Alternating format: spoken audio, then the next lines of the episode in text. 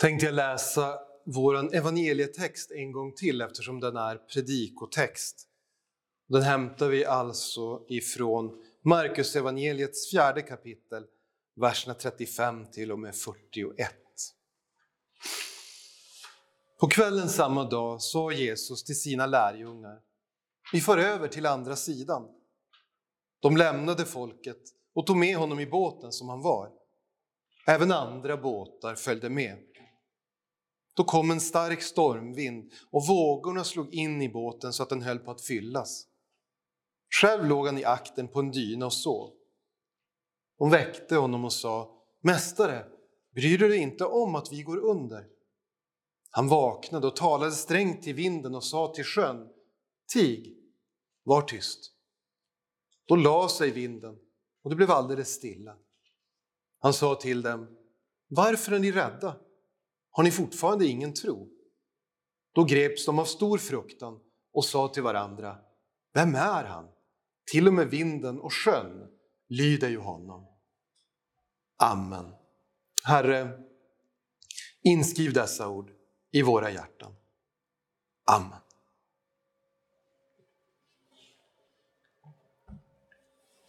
Varför är ni rädda?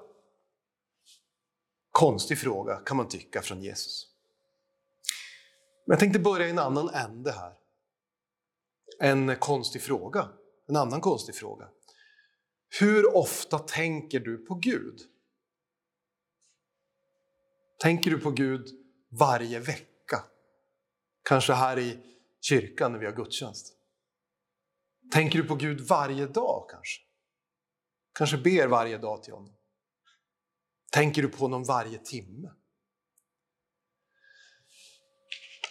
En sak som jag tror vi kan se, det är att när allting, och det här är inte menat som en Göteborgsvits, när allting flyter på i livet, då kanske vi glömmer bort Gud.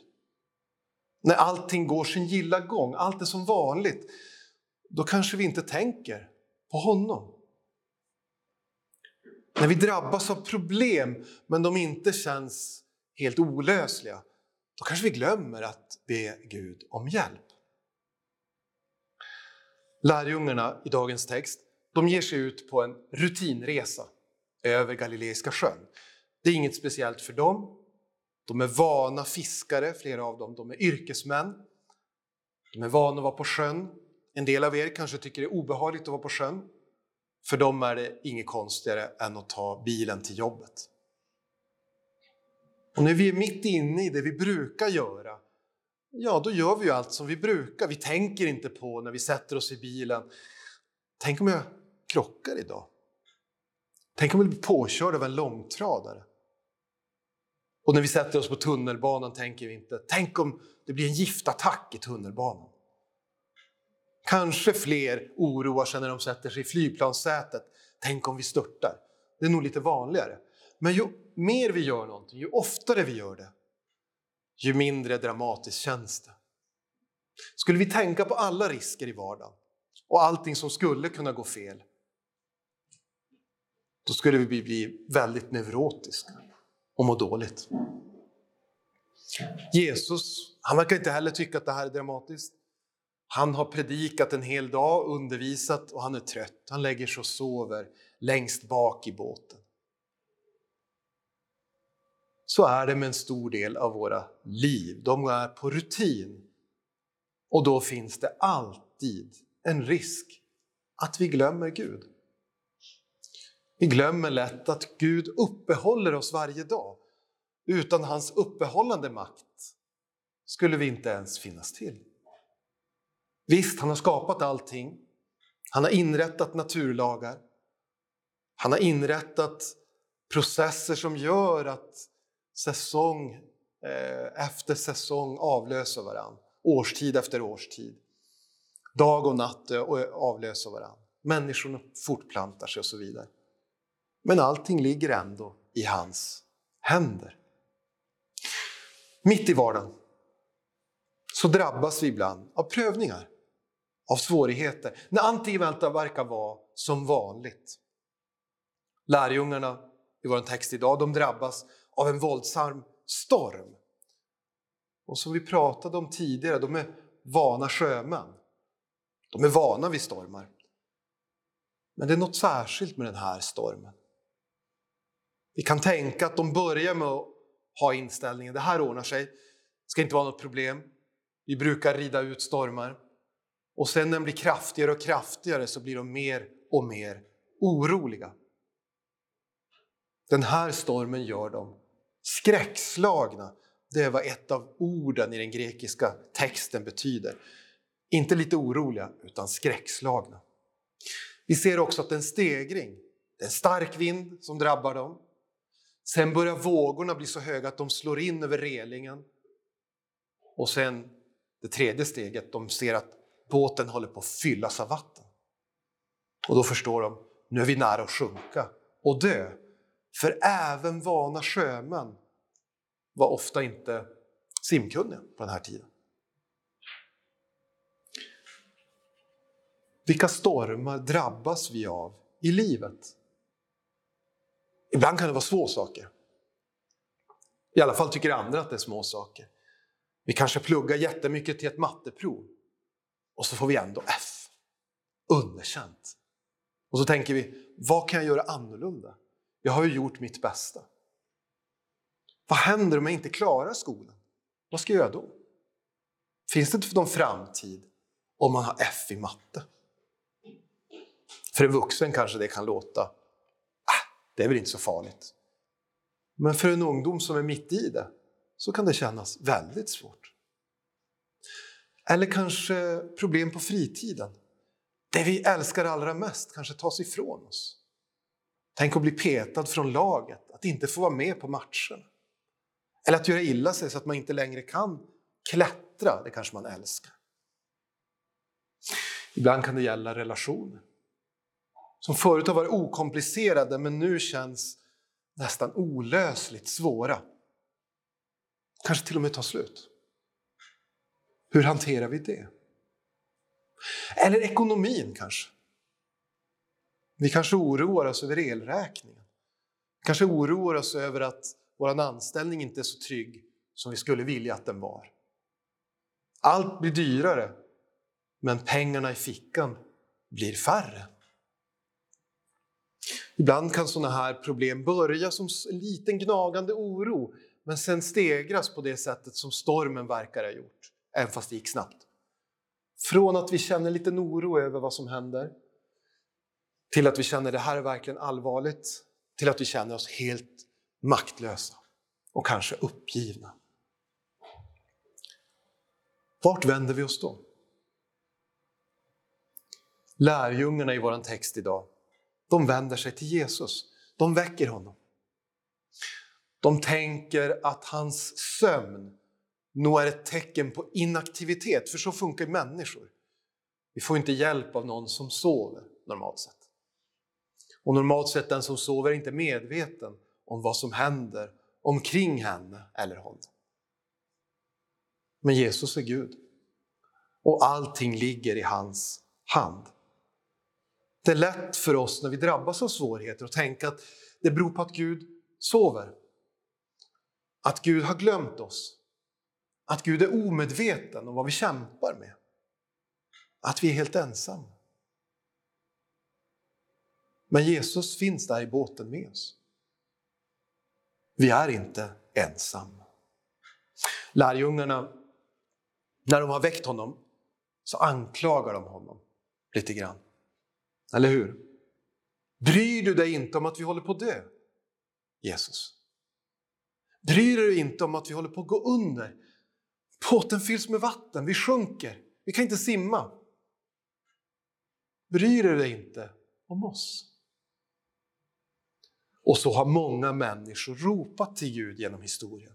Bryr du dig inte om mig? För om du gjorde det, då skulle jag inte behöva vara med om relationer som krackelerar, eller ekonomi som går på sparlåga, eller motgångar på jobbet, eller känslor av ensamhet. Om du bara brydde dig så borde det se annorlunda ut, tänker vi kanske.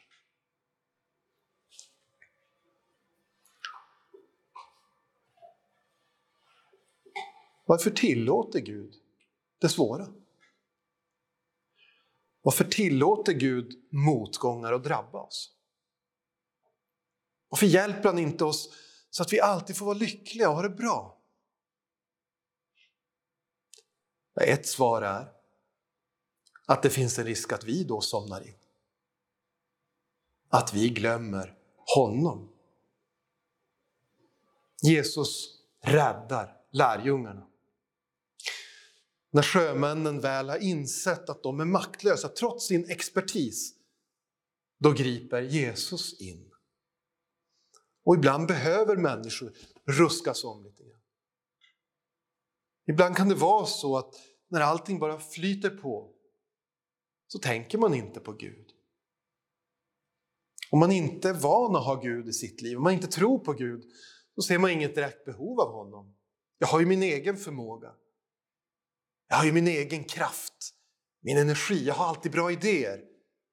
Jag är en entreprenör, jag löser allt på egen hand. Det är jag van vid. Jag har skapat allt jag äger med mina egna händer. Så kanske man tänker.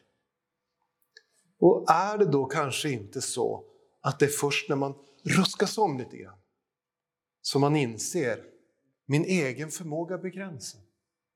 Det finns många problem jag inte själv kan lösa trots att jag är så skicklig eller välutbildad eller initiativrik. Alla människor, oavsett om de vet eller inte, alla människor är andligt sjunkande skepp utan Jesus. Utan Jesus så tar de hela tiden in vatten. Hörrni. Och så är vi också utan Jesus. Då kommer vi att sjunka närmare och närmare vattenytan och till slut så uppslukas vi av vågorna utan Jesus.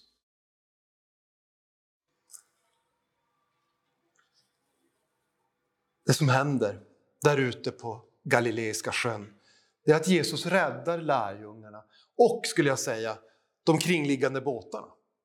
Det var ju fler båtar som följde med, de drabbades av samma storm. Människor som hade lyssnat på Jesus på ena sidan sjön och ville följa med honom och lyssna även på andra sidan sjön. De ville ha mer undervisning.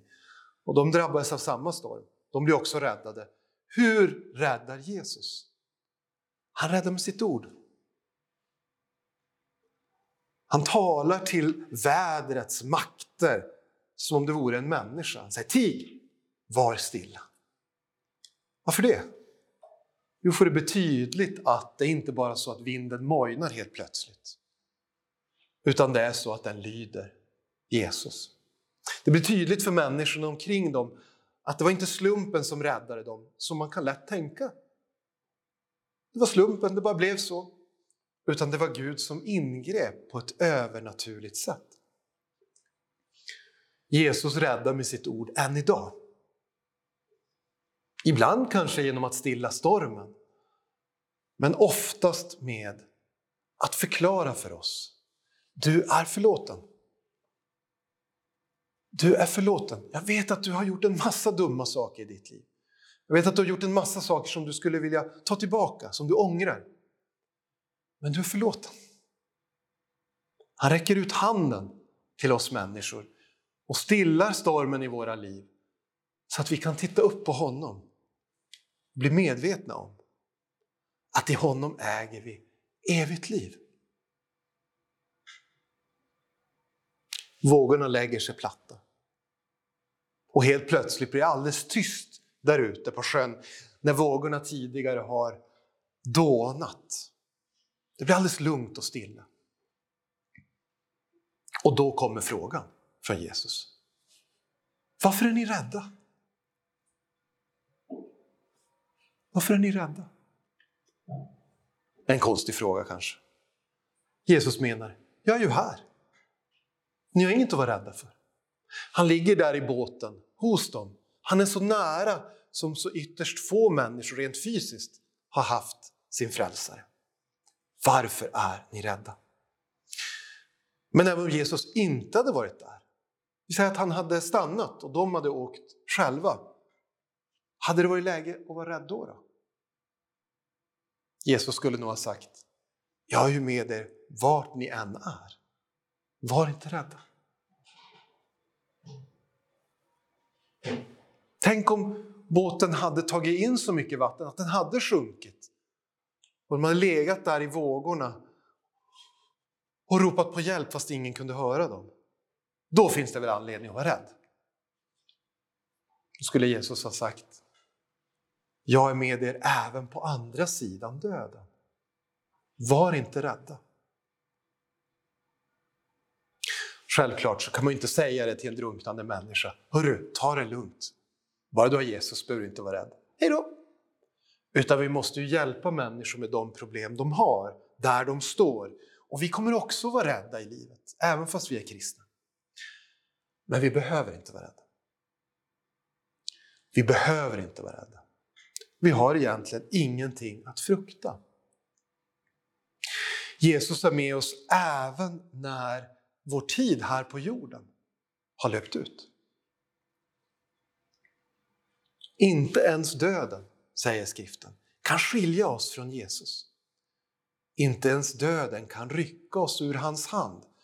Var inte rädd, för Jesus är med. Amen. Låt oss be. Käre Herre Jesus Kristus. Du vet att det finns mycket som oroar och skrämmer oss. Du vet att det finns mycket mycket som vi orsakar själva som gör att vi skulle vilja backa bandet och börja om. Hjälp oss när vi drabbas av motgångar, faror, frestelser eller en allmän lättja inför ditt ord. Att söka din hjälp. Att inte glömma dig i vardagens bestyr. Hjälp oss att komma ihåg att du är med även oss i båten och att du sträcker ut din hand mot oss för att rädda oss. Vi ber i ditt eviga namn. Amen.